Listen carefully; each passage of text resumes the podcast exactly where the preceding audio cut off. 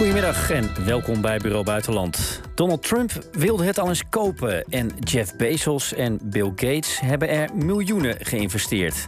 Groenland is dankzij klimaatverandering en smeltend ijs steeds meer in trek vanwege allerlei grondstoffen die onder dat smeltende ijs vandaan komen. Bram Vermeulen reisde erheen en maakte er een aflevering van Frontlinie. Ik spreek straks met hem. Maar we beginnen in Myanmar, waar het burgerverzet tegen de junta steeds gewelddadiger wordt. Het is half twee, tijd voor buitenland. We gaan de grens over. Myanmar is sinds de militaire staatsgreep van februari vorig jaar verwikkeld in een bloedig conflict. Een hoge VN-gezant noemde de situatie in het land onlangs catastrofaal voor de bevolking. Vandaag komen ministers uit tien Zuidoost-Aziatische landen samen in Jakarta. En daar zullen ze het naar eigen zeggen hebben over het vredesproces. Maar is er wel sprake van zo'n proces in Myanmar? De woede onder, onder burgers en de bereidheid om te vechten lijkt er groter dan ooit. Ik ga erover praten met correspondent Minka Nijhuis. Goedemiddag, Minka. Ja, goedemiddag. Uh, je woont nu in Thailand, hè, maar reist veel rond in Myanmar. Komt er ook al jaren. Um, ik wil allereerst even beginnen, Minka, met het nieuws van een paar dagen geleden. Uh, toen was er een luchtaanval van het Burmeese leger op een concert waarbij 80 burgers omkwamen. Kun je uitleggen uh, waarom het leger zoiets zou doen, zo'n doel uitkiezen?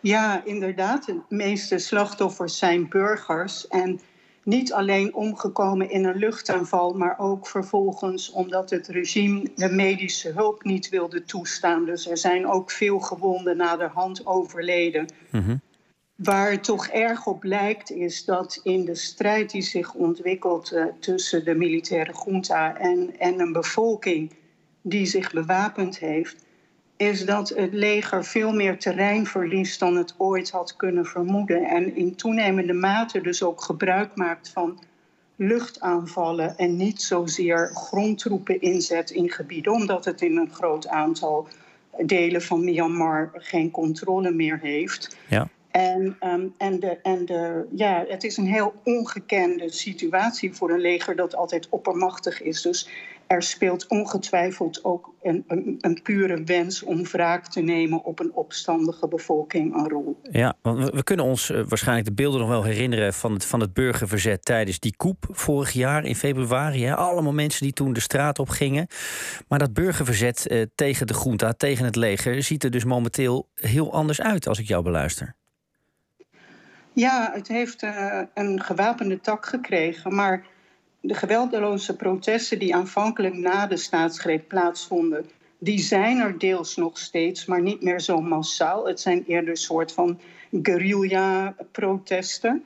Verder wordt er ook nog altijd massaal gestaakt. Dus er is burgerlijke ongehoorzaamheid en dat legt grote delen van het land en het ambtenarenapparaat plat.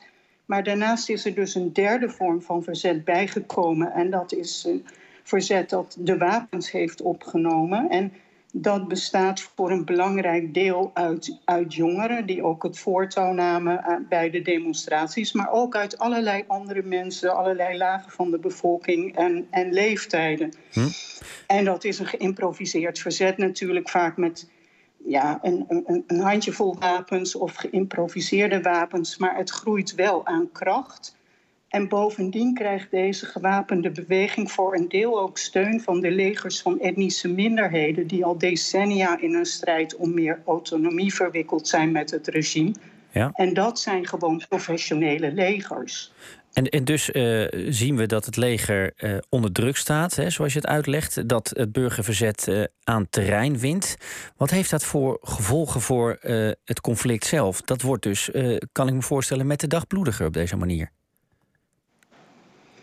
Ja, er, er, vallen elke dag doden. Het is niet eens vast te stellen hoeveel dat er zijn. Er is een mensenrechtenorganisatie die registreert alleen al 2400 doden puur door uh, uh, mensen die zijn doodgeschoten door leger en politie of doodgemarteld zijn in de gevangenissen. Maar dat is dus een veel te laag aantal van het werkelijke aantal slachtoffers, want dat telt niet degene mee en dat loopt inmiddels in de duizenden die in het oorlogsgeweld eh, omgekomen zijn en vaak anoniem of in hele afgelegen gebieden. Ja, en ik vertelde in het begin al even, hè, eh, verschillende Zuidoost-Aziatische landen komen vandaag bij elkaar in Jakarta om te kijken of er een, misschien een begin gemaakt kan worden uh, met vredesonderhandelingen, uh, het vredesproces. Verwacht je daar iets van? Nou, de kritiek op, op dit proces is ook dat er ter plekke helemaal geen wil is om op een of andere manier vredesonderhandelingen aan te gaan. Dit is vooral een door de ASEAN-landen geïnitieerd uh, traject met een aantal punten, zoals dat er een eind moet komen aan gevechten, dat uh, alle partijen moeten deelnemen aan een constructieve dialoog, dat de humanitaire hulp moet worden uitgebreid. Maar dat heeft helemaal niets te maken met de stemming ter plekke. Het is veelzeggend dat die aanval die je zojuist noemde ook plaatsvond aan de vooravond van dit overleg. Dus mhm. de junta heeft een, totaal maling op dit moment aan de wensen van ASEAN. En ook het verzet is niet in de stemming op dit moment om aan tafel te gaan zitten. Als je met mensen spreekt, zeggen ze wel uiteindelijk moet daar een oplossing vandaan komen. Maar voor nu willen we ook met militaire middelen de, de druk op de junta opvoeren. En dat heeft er ook mee te maken dat voor het eerst in de geschiedenis het leger in zo zwaar weer verkeert en op zoveel fronten tegelijk nu moet vechten, dat die verzetsbeweging wel degelijk een kans maakt. De wereld ziet natuurlijk de meest vreselijke taferelen van in de as gelegde dorpen en, en verminkte lichamen. En de prijs die burgers betalen voor hun verzet is gruwelijk hoog. Maar tegelijkertijd heerst er een, een, een vastberaden stemming bij velen en een gevoel van nu of nooit. En met name ook onder de jongeren die niet terug willen naar de duisternis waarin de generaties voor hun hebben geleefd. Dus die willen doorvechten. Is het in die zin uh, te vergelijken met uh, de, de onverzettelijkheid van de Oekraïners, uh, Minka? Die ook natuurlijk geen enkele bereidheid tonen om te onderhandelen over een staakt het vuren. Maar die zoiets hebben van we laten ons nu niet langer kisten en zullen net zo lang door blijven vechten totdat we gewonnen hebben. Is, is dat ook echt het gevoel wat dus onder dat burgerverzet leeft?